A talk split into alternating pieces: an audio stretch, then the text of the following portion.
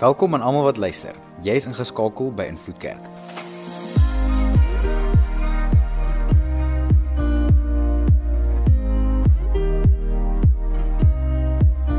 Vir die volgende paar minute gaan jy luister na een van ons boodskappe. Ons glo en vertrou saam met jou dat jy die Here sal beleef daar waar jy is. Geniet dit. So ons gaan stadig maar seker hierdie vliegtyg begin land en en dit raak al hoe beter en ek moet vir jou sê die volgende 2 weke na vandag gaan baie interessante boodskappe wees vir jy wil dit regtig nie mis nie. Maar maar rondom hierdie reeks, hier's waaroor dit gaan. Is dat elke liewe ding wat bestaan onder die son het 'n beginpunt. Maak nie saak waarna jy kyk nie, maak nie saak wie jy ontmoet het nie. Alles, maar alles het 'n beginpunt.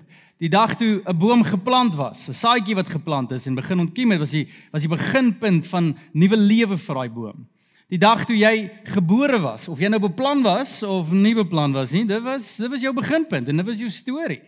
Alles het 'n beginpunt. Jou jou loopbaan gaan deur verskeie beginpunte. Jy jy skuif dalk van een werk na 'n ander werk en daar's sekere seisoene van dinge van die mense lewe, maar hier's die groot gedagte. Dat my en jou geloofsreis, pad saam met die Here, ook 'n beginpunt het. En meeste van ons se beginpunt het iewers dalk by die huis gebeur. Jy's Christelik grootgemaak of dalk was jy kerk toe en hulle het vir jou versies en Bybelstories geleek, alhoewel jy nie heeltemal geweet het hoe dit gewerk het nie, maar dit was ten minste cool stories, so jy het dit geglo. En iemand wat op water loop, ek dink wie wil dit nie hê nie. So jy vat dit maar en en hier's wat gebeur. Deur ons reis van lewe word ons volwasse en groot en saam met dit beleef ons dalk uitdagings en probleme. En iewerste dit wat jy gehoor het as kind En dit wat jy voel en ervaar as volwassene tel nie op nie. Want jy het gehoor die Here is altyd goed. Maar jy het deur seisoene in jou lewe gegaan wat nie altyd goed was nie. En jy het gewonder maar Here, waar is hy nou? Here, wat gaan nou aan? En, en dit is asof die mense vir jou gesê het maar bid net en en die Here sal jou gebed beantwoord en jy het gebid en dan bid jy so in die dak vas. Plaas gaan staan jy net buite en bid want daar's nie 'n dak nie en dan dan kon dit makliker gewerk het en gebeur het maar iewerste word 'n gebed nie verhoor nie en dan dan stoei ek en jy en wonder maar waar is die Here? Jy hoor die Here kan mense genees en jy bid vir genesing en die persoon word nie genees nie. En iewerste in ons reis, dit wat ons gehoor het as kind, dit wat ons ervaar as volwassenes, bots. En wat dan?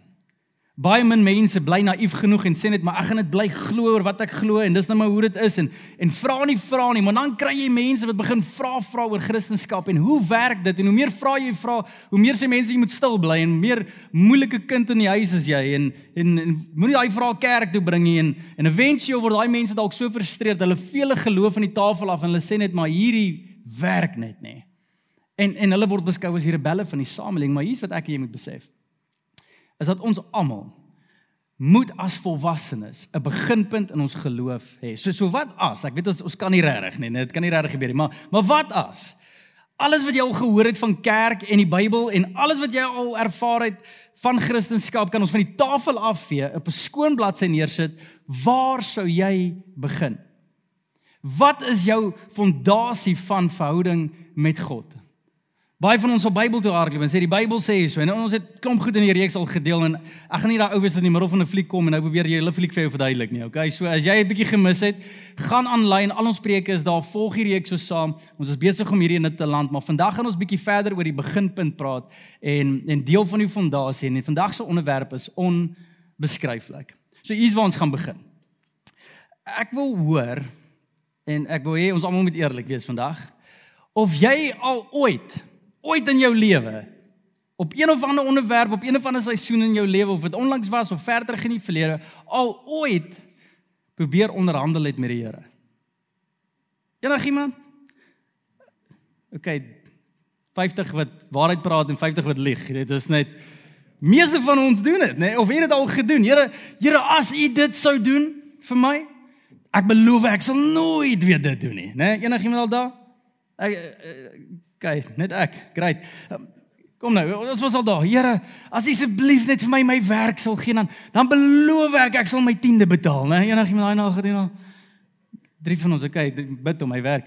Maar Here, asseblief Here, seën my net in hierdie area en dan, dan sal ek dit doen. Ek ek weet mense wat op soek is na man of vrou. Here, as U net asseblief vir my 'n man of vrou gee, dan beloof ek ek sal elke dag Bybel lees. En ja, nee, ons weet hoe dit uitdraai. En en dit is nie net aan daai kant van positief nie, maar dalk is dit in die in die ander kant van die sin van jy sal iets ophou doen. Here, as U dit vir my doen, dan beloof ek ek sal dit ophou doen. Ek weet op skool was was dit nogal die groot ene gewees. Kom preek iemand en en bring woord vir ons en dan voel ons weer oortuig nie ons moet nou die Here dien, ons moet nou weer goeie Christene wees. En dan het ons sommer 'n derde party in party ingetrek en gesê luister hierso, Dewald was my vriend en hy het spiere gehad en ek sê vir Dewald, luister Dewald, as ek ooit weer vloek, nê, slaat vir my. So sin het jy het volle volle oop deure, jy piets vir my of ek nou daarvan hou of nie of ek ooit opstaan van dit of nie, dis oukei. Okay. Ek moet net ophou leer vloek want as ek ophou gaan vloek, dan gaan die Here vir my.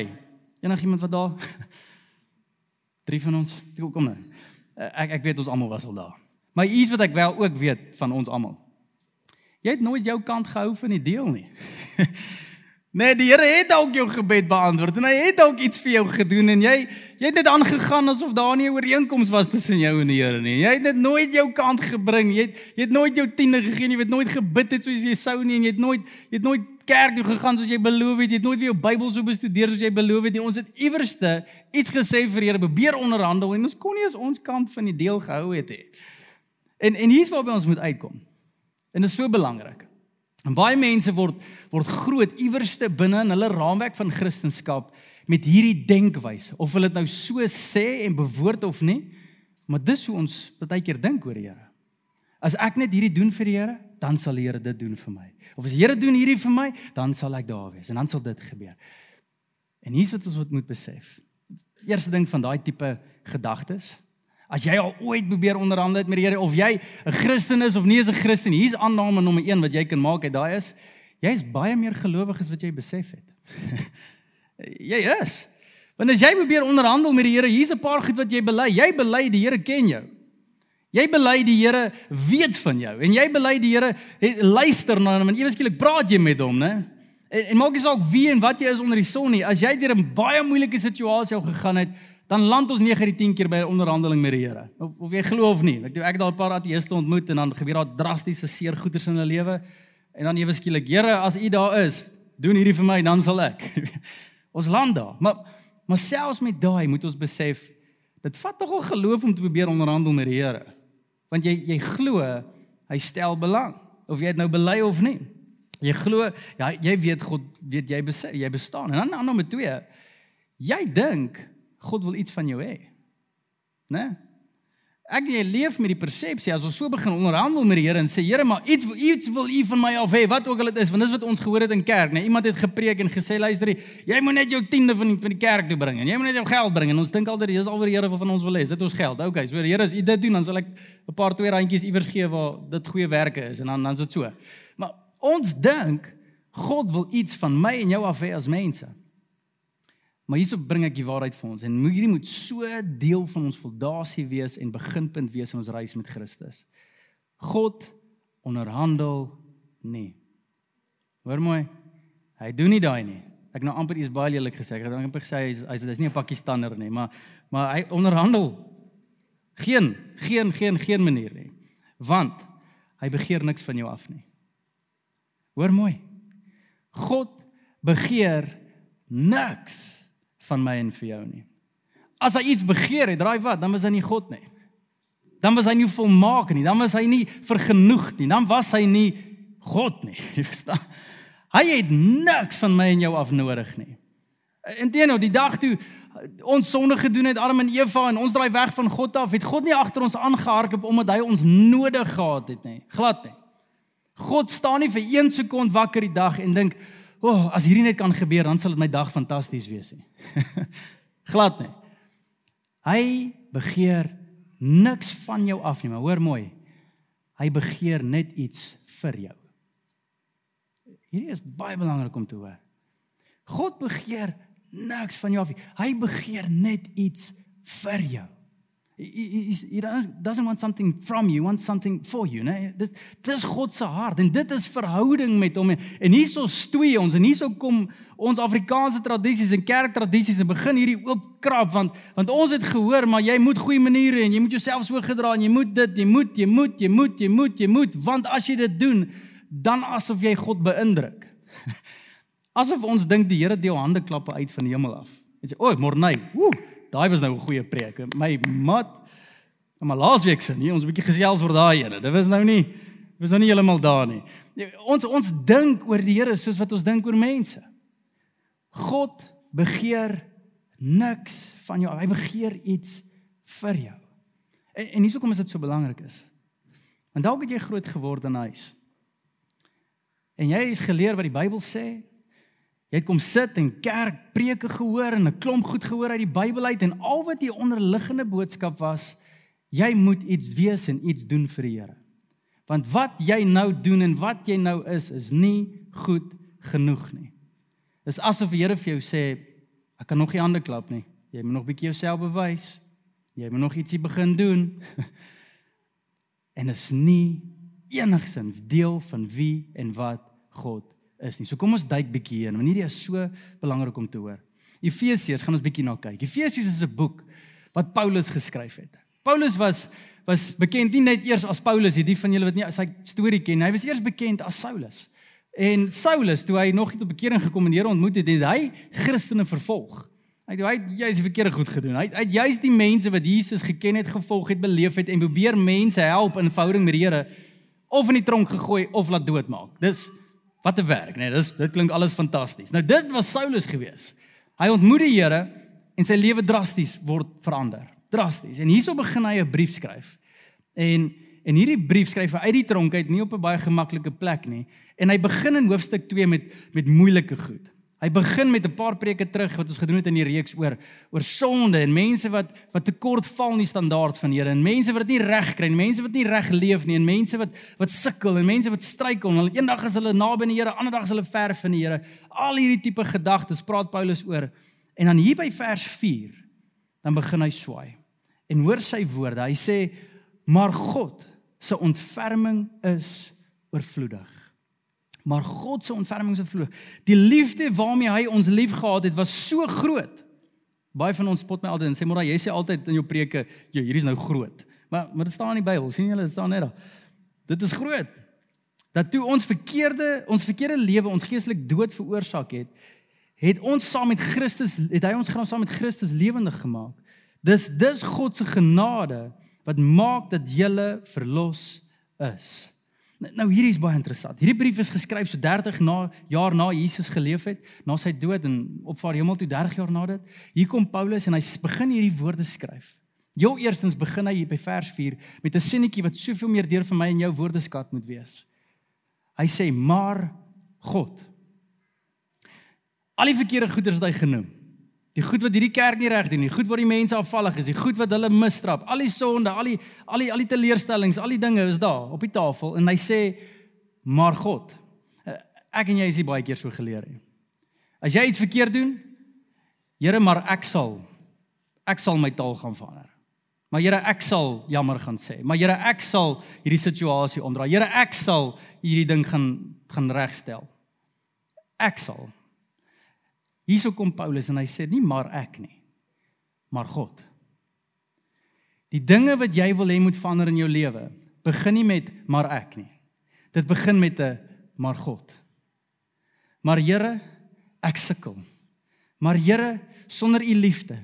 Here, maak nie saak wat ek doen nie, as u nie doen nie, gaan te vergeefs wees. Maar God, sonder die maar God sinnetjie, kan niks regtig verander nie en kan daar geen vaste verhouding wees tussen God en mense. Dis alles die Here se werke. En hier gaan hy verder en hy sê die liefde waarmee hy ons liefgehad het. Nou, ek weet ons hou nie van hierdie in kerk nie, maar ek gaan vandag ons bietjie 'n ongemaklike plek weer instoot. So skuis daaroor. Maar maar ek wil hê ons moet graag hierdie sinnetjie saam sê. Nou het Paulus gesê het die liefde waarmee hy ons liefgehad het. So, net daai sinnetjie. Kom ons sê dit saam die liefde waarmee hy ons liefgehad het. Okay, dit was pateties. Ek moet dit vir julle sê. Dit was dit was glad nie goed nie. Kom ons probeer dit gou weer. Die liefde waarmee hy ons liefgehad het. Dit is waar alles begin verander. Nie hoe ek en jy ons eie lewens in 'n lyn kry nie. Die liefde wat Jesus vir jou het is onbeskryflik. Die liefde wat God vir jou het is iets wat jy nooit sou kan begryp nie. En hierdie is vir my altyd so spesiaal en en ek weet vir ons almal natuurlik, maar maar iets persoonlik uit my lewe uit. Voordat ek ooit met mense sal praat en uit God se woord uit deel, is daar maar altyd 'n gebed wat ek bid voor ek opkom en dit doen en vra Here, as ek iets gemis het of iets nie reg gehoor het nie, asseblief, wat wil U sê vir ons en vir ons mense en vir almal hier? Sonder uitsondering. Sonder uitsondering hoor ek die Here elke liewe keer. En ek hoor nie die Here baie nie, maar hierdie hoor ek. Maar hy sê net vir my mense ek is lief vir hulle. Dis al. Ek dink nie ons begryp een persoon nie begryp hoe lief die Here ons het nie. En, en, en hier sinnetjie is belangrik, ons gaan nou weer terugkom hè. Sy liefde was so groot, sê Paulus. En alles het begin verander. Nou vir my en vir jou is hierdie belangrike woorde, maar vir onthou net wie skryf hierdie. Hierdie is 'n ou wat alles verkeerd gekry het, né? Hierdie is 'n ou wat God se standaarde op 'n klomp plekke gebreek het. Hy het mense doodgemaak, kerk vervolg, glad nie geglo wat mense gesê het nie. Hy was die ou wat ons probeer bekeer. Nee, hierdie ou was taboe. Hy was die slegste nuus in die dorp vir Christene. Hierdie ou het 'n klomp plekke dinge verkeerd gekry. En hy sê die liefde van die Here het die verskil gemaak. Ek wonder in daai situasie waar jy nou jouself bevind, wat jou hart bietjie onstuimig maak, wat jou gemoed bietjie onrus gee. Daai daai area in jou lewe waar jy dalk voel jy weet nie wat die Here wil doen nie. Wat wat wil jy hê of verwag jy moet die verskil bring? Wat is dit? Glo jy dat God jou so liefhet dat jy kan rustig wees oor daai area? Ja, ons wil ja sê ons sit in kerk, maar môreoggend ek ek dis wanneer ons die vrae moet vra, né? Want nou hy druk weer gebeur. Wat glo jy hou jou by mekaar? Is dit situasies in die lewe? Gebeurtenisse? Of is dit sy liefde? Baie van ons en ek wil so ver gaan om te sê baie van ons koppel dit net op ja antwoorde van ons gebede. Ons glo ons sal die vrede van die Here beleef, die goedheid van die Here beleef. Ons sal op 'n plek wees waar ons lewe in oorvloed kan hê sodra God begin ja sê en deure oopmaak en lewe begin lekker raak. Dan dan weet ons Nou nou is ons in die Here okay. Hierdie is so belangrik om te weet. Paulus sê net die wete net die wete dat God jou liefhet is vir jou genoeg. En my vraag aan myself en vir elkeen nie, is dit nog vir jou genoeg?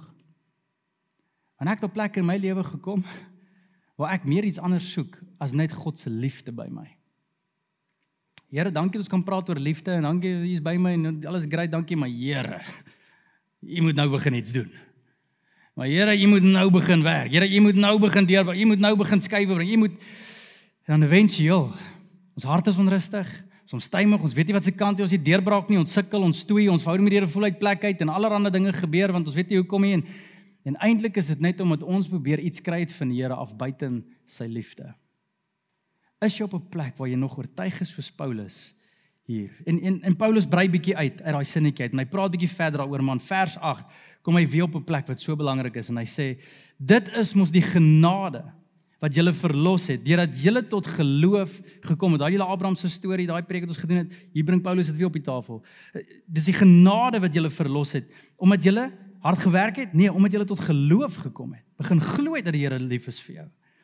En julle verlossing verlossing kom nie uit julleself nie, maar is 'n gawe van God. Hoor mooi, 'n gawe van God. En net in case jy dit gemis het, bring Paulus dit weer op die tafel. Hy sê dit is nie die gevolg, dit is nie die gevolg van julle dade nie. In ander woorde, dit is net 'n geskenk van die Here.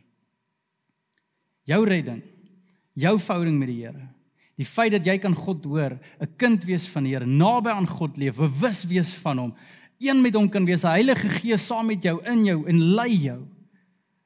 Al daai beloftes van jou. Die feit dat ek en jy dit kan hê, is 'n is 'n gawe, is 'n geskenk van die Here. En weet jy vir kos 'n geskenk jou? Niks. Nee, dis nie 'n trick question nie. Niks. Ek het mense gaan sê maar ry maar Dit klink net te eenvoudig. Ek voel eintlik skuldig. Ek doen Hoor mooi. God wil niks van jou af hê nie. Hy begeer iets vir jou. Jy moet net glo. Jy moet net ontvanklik wees daarvoor. En sê Here, dankie. Dankie vir hierdie gawe van redding. dan om hierdie hele onderwerp van Paulus op die tafel te sit en regtig te evalueer, is hierdie my vraag aan elkeen van ons. Hoe jy regtig kan meet of jy glo wat Paulus glo of nie, moet jy die volgende vraag vir jouself antwoord. Hoe meet jy jou verhouding met God? Hoe meet jy dit? Eh, prakties net. Hoe meet jy die wat julle getroud is? Hoe meet jy of jou huwelik op 'n goeie plek is of nie? Daar's sekere goed waarvoor jy uitkyk, né? Ek dink ons mamma deesdae net groente op die tafel sit. Dan weet jy, o, ek het weer iets verkeerd gedoen. Ek weet nie wat hier aangaan nie. Ons het nie meer sout in die kos nie. Ek weet nie wat hier alles hier is moeilikheid. Daar's goed waarvoor jy meet. Is daar 'n bietjie bietjie moeilike gesprekke is in die huis en dalk dalk vryf jy nie meer jou vrou se voete deesdae soos jy gewoonlik het nie. Daar daar's daar's tekens waarvoor jy kan uitkyk. Jy weet, daar's goed wat jy kan meet. Die hoeveelheid gesprekke wat jy het wat dalk verminder. Ek weet nie wat dit is nie. Dalk kyk julle nie meer golly saam nie. Ek weet nie wat julle ding is nie, maar maar daar's goed wat jy duidelik kan meet om te weet of jy op 'n goeie verhouding met God staan of nie. Of met jou vrou of man staan of nie, maar maar hoe meet jy jou verhouding met God? Hoe weet jy of jy op 'n goeie plek is met die Here of nie? Twee maniere. Eintlik drie maniere, maar twee maniere. Een, jy meet God se genade. Ek en jy trek altyd terug na die kruis toe. Dis 'n manier. En te sê maar God het sy hele lewe vir ons gegee. Alles wat hy gehad het, sy enigste seun vir ons gegee. Dis ook my bekendste vers is in die Bybel. Hy hy het sy enigste seun vir ons gegee sodat die wat in hom glo, net glo, die geskenk sal ontvang van verhouding met God en redding vir die ewigheid. Net glo op grond van wat Jesus gedoen het. Net sy dade, niks van wat jy gedoen het nie. Of ander van ons glo bietjie anders, nie net wat God gedoen het nie, maar glo wat ons doen. Die dag wanneer jy nie 'n goeie dag gehad het volgens die standaarde van die Bybel nie. Hoe is jou verhouding met die Here? Dis 'n skerry vraag. Die dag wanneer jy nie dalk gehoorsaam was aan God nie. Hoe voel jou verhouding met die Here?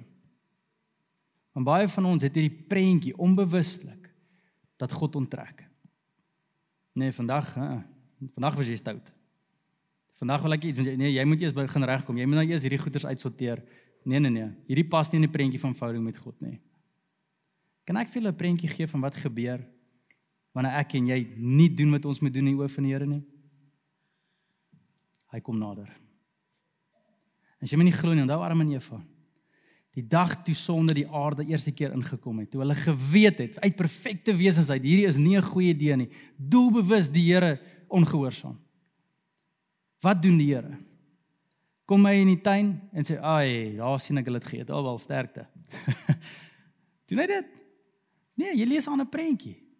Jy hoor hoe 'n vader loop in die tuin en hy roep sy kinders, "Adam, Eva, waar is julle?" Hy soek hulle. Hy kom nader aan hulle. Nie eers die sonde van die wêreld kon God weghou nie. En hier is so belangrik om te besef want die vyand daar buite gaan op my en jou rug klim. En die dag wanneer jy iets verkeerd doen, gaan jy hy gaan vir jou weer sê maar die Here is nou so kwaad vir jou. Jy het nou opgemors. Weet jy wat jy nou moet doen om jou saak met die Here reg te kry? Weet jy wat se pad moet jy nou stap sodat die Here weer oukei is met jou? En voor ons uitvee, land ons daar. Wat meet jy? Meeste van ons het 'n kombinasie van die twee. Meeste van ons glo maar dit was die Here se redding aan die kruis, gee my verhouding, alles amazing, maar van daar af is dit net my dade wat bepaal of ek okay is met die Here of nie. Dis nie hoe dit werk nie. Glo jy wat God gedoen het is genoeg? En hierdie is so belangrik. Want alles wat Christene doen, wat ek en jy doen vir die Here. Die moeds in die Bybel.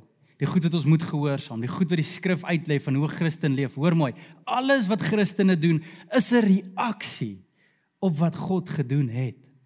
Julle hier is so so belangrik, so groot, dis die woord. Dit is so groot om hierdie te besef. Alles wat Christene doen is net 'n reaksie op wat God gedoen het. Is jy ooit gewonder hoekom is Christene so vriendelik? Is omdat iemand, daai Christen, al God beleef het wat vriendelik is. Die dag toe God kwaad moes gewees het en kwaai moes gewees het en onvriendelik was, het God opgedaag en hy was nog vriendelik. En dit het daai persoon so diep getref dat hulle loop rond, maak nie saak wat gebeur nie, hulle bly vriendelik. Dis net 'n reaksie. Ons kan God lief hê want hy het ons eerste lief gehad. Het jy het jy al mense ontmoet wat net vergenoegdes, Christene wat vergenoegdes in hierdie samelewing? Maak nie saak wat kom nie, maak nie saak wat gaan nie, hulle bly net okay en vas en seker. Dis nie omdat hulle ouliker as ek en jy is nie. Is omdat hulle God so beleef het al. Op die stadium toe hulle lewe gaals was, hoe God net so ontspanne was. God nie bekommerd was nie. God oukei okay was. En toe is hulle oukei. Okay. Want hulle het geweet maar hy hy's in beheer van hierdie. Dis hoekom ons sagmoedig is en nederig is. Dis hoekom wanneer goeie Christene taksies voor hulle inry, hulle nie vloek nie. Wel taksies vloek hulle dalk, maar ons vloek hierdie taksies nie. Hoekom? Want daar was 'n dag wat jy amper soos 'n taxi drywer in die koninkryk van die Here was, want jy het gedoen wat jy nie moes doen nie. En die Here het nie snaakse tekens vir jou gewys nie. En jy was kalm. En jy was rustig. Alles wat Christene doen is 'n reaksie op wat God gedoen het. Nou hier is my vraag. Daai area waar jy nie doen wat die Bybel sê nie. Waar jy nie rustig is nie, waar jy nie vertrou nie, waar jy nie vriendelik is nie, waar jy nie vreugde beleef nie, waar jy nie sagmoedig is nie, waar jy nie doen wat die Bybel sê ons moet doen nie. Dis nie vir my om jou te gaan en te sê, "Oké, okay, hier's wat die Bybel sê, so nou moet ek gaan papegaai hier buite en alles net soos 'n reimpie gaan opsê in my lewe en my lewe so perfek as moontlik kry met goeie maniere nie." Nee. Ek en jy moet besef, dis 'n uitnodiging om God so te beleef. Dis wat dit is. Om te sê, Here, wow. Hier's 'n area in my lewe waar ek U nog nie beleef het soos wat U wil hê ek moet U beleef nie. En dan soek jy die Here. En ja, jy maak jou Bybel op en jy lees, maar dis omdat jy hom soek, nie nie 'n versie soek nie. Dis omdat jy bid en jy soek sy aangesig, is omdat jy kerk toe kom en sê, "Maar Here, ek wil U so beleef, want as ek U so beleef, dan word ek meer soos U." Hoeveel keer in die Bybel, julle, lees jy waar Jesus vir sy sy disippels sê, "Hou op vloek." Hoeveel keer? Net 'n vraag. Nêrens. Nie een keer nie. Môre hulle het nie gevloek nie. ah, Regtig? Twee van hulle het die bynaam gehad van die seuns van die donder. Hoe weet jy hoekom? Want hulle het nie meer gehad en dit was Jesus se bynaam vir hulle. Dit was nie iemand anders Jesus se bynaam vir hulle. Hierdie ouens wat nou okay, as jy nog hierdie prentjie kry, het jy ooit iemand ontmoet met 'n meer probleem wat nie vloek nie? Word so kwaad maar jy seën vir jou man. Jussie. Ek sê dit bestaan nie. Hulle vloek, hulle is kwaad, hulle is lelik met mense. Daar's disippels wat moordenaars was, die selote wat deel van die kring was. Niemand maak iemand dood met 'n glimlag nie, wel dalk nie, ek weet nie. Ek sê hier kom hierdie ouens in en Jesus kom nie met al hierdie reëls en sê vir hulle, "Hey, hier's wat julle moet doen." Al wat Jesus gedoen het is, hy kom naby. Hy nooi hulle uit, kom volg my. Bly net saam met my, doen lewe saam met my, bly net bewus van my, want jy gaan my beleef. En sodra jy my beleef, hoe goed ek is, hoeveel genade ek het, hoeveel simpatie ek het, hoe barmhartig ek is, hoe vriendelik ek is, hoe oukei is ek met chaos daar buite. Hoe vergenoegd ek is, hoe baie ek omgee, hoe sodra jy dit beleef van my af, Dit is so oorweldigende liefde dat jy ook so word. En dit is hoe verhouding met God werk. En ouers, ek weet nog nie en ek het dit nie perfek nie, ek probeer hierdie ding nog uitfigure. Moenie jou kind grootmaak met 'n stel reëls en sê hier's hoe kinders moet groot word volgens die Bybel nie. Hier's wat ons moet gehoorsaam nie. Figure dit uit om jou kind God te laat beleef. As hulle hom beleef, dan word hulle meer soos hy. As jy 'n klomp stel reëls voor hulle gaan hou, dan gaan hulle net sê ek's uit. Ek's uit. En dalk sit 'n paar van julle hier wat so groot geword het. En jy het soos die vuilste Christen gevoel onder die son. Jy kon dit net nie reg kry nie. En die probleem was nie omdat jy nie die Bybel kon gehoorsaam nie. Dis net die verkeerde beginpunt. Jy was nie geleer om God te beleef nie. Jy het net gehoor God wil iets van jou hê en jy moet 'n stel reëls volg anderste. Moeilikheid alles wat ons doen is 'n reaksie op wat God gedoen het. Dis hoe huwelik werk vir ons as Christene. En dit is die wetste huwelik wat jy onder die son sou kry. Weet jy hoekom? Want ons wil mekaar net uitdien. Dis dis al. Dis net so. Wat kan ek vandag vir jou doen? Wat kan ek vandag vir jou doen? Wat kan ek vandag vir jou doen? Nee, ek wil dit vir jou doen. Nee, nee, nee, ek sal dit vir jou doen. Ons hoekom doen ons dit? Want dis hoe Christus ons hanteer. Christus is gereeld daar net om ons te bedien en seker maak ons is oukei. Dis dis hoe dit werk vir ons as Christene. So hier is my vraag. Waarmee meet jy? Of jou verhouding met die Here in plek is. Is dit jou kennis? Is dit jou jou ervarings van die verlede? Of is dit jou belewennisse en wat God gedoen het vir jou? Nie wat jy doen vir hom nie. Dis so belangrik. Dan dan soos julle weet in hierdie reeks. Ons sit 'n onderwerp op die tafel en dan moet ons begin kou daaraan. Hierdie is net lekker gesprekke wat ons oopmaak. En en in hierdie week voor jy hier uitstap want ek weet hier in die saal kan ek baie keer mense hoor eet want ek is al een met die mikrofoon. So dis 'n lekker gesprek, net ek praat, maar maar maar sodra jy uitgaan dan gaan jy begin praat met ander mense nou weer en oor alles wat nou gesê is. En ek wil regtig hê jy moet gaan gaan praat hierdie week daaroor. En soos julle weet, die doel van hierdie reeks is eintlik vir ons groeplewe. As jy moet inskakel by 'n groep doen dit dat jy kan praat hier oor kou hier aan, vra vra hier oor.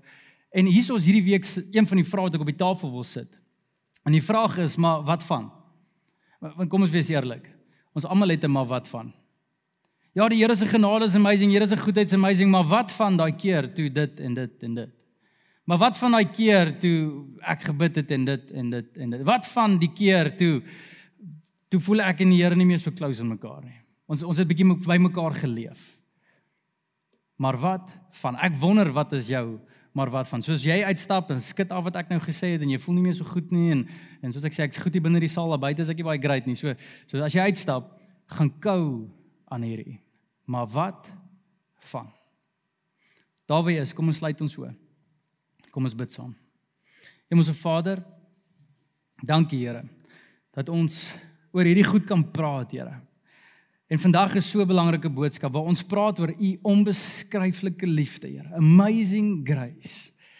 En Here genade wat vir ons gegee is. Soveel genade wat wat ons sukkel soms om dit net te besef en te aanvaar, Here. Genade dat ons niks hoef te verdien nie, niks hoef te doen nie, net te ontvang as 'n geskenk. Dat ons in 'n regte verhouding met U staan. Ons hoef nie kerktoertjies te doen nie, ons hoef nie honderde Bybelstudies te doen nie, ons hoef nie allerlei kennis op te doen nie. Ons moet net ervaar dat U is lief vir ons. En Hemelse Vader, dankie daarvoor. Want as dit op enige ander hoër standaard was, sou ons gevou het. Maar omdat U goed is en omdat U getrou is, Here, kan ons 'n verhouding met U hê. En ek bid so vir elkeen hier.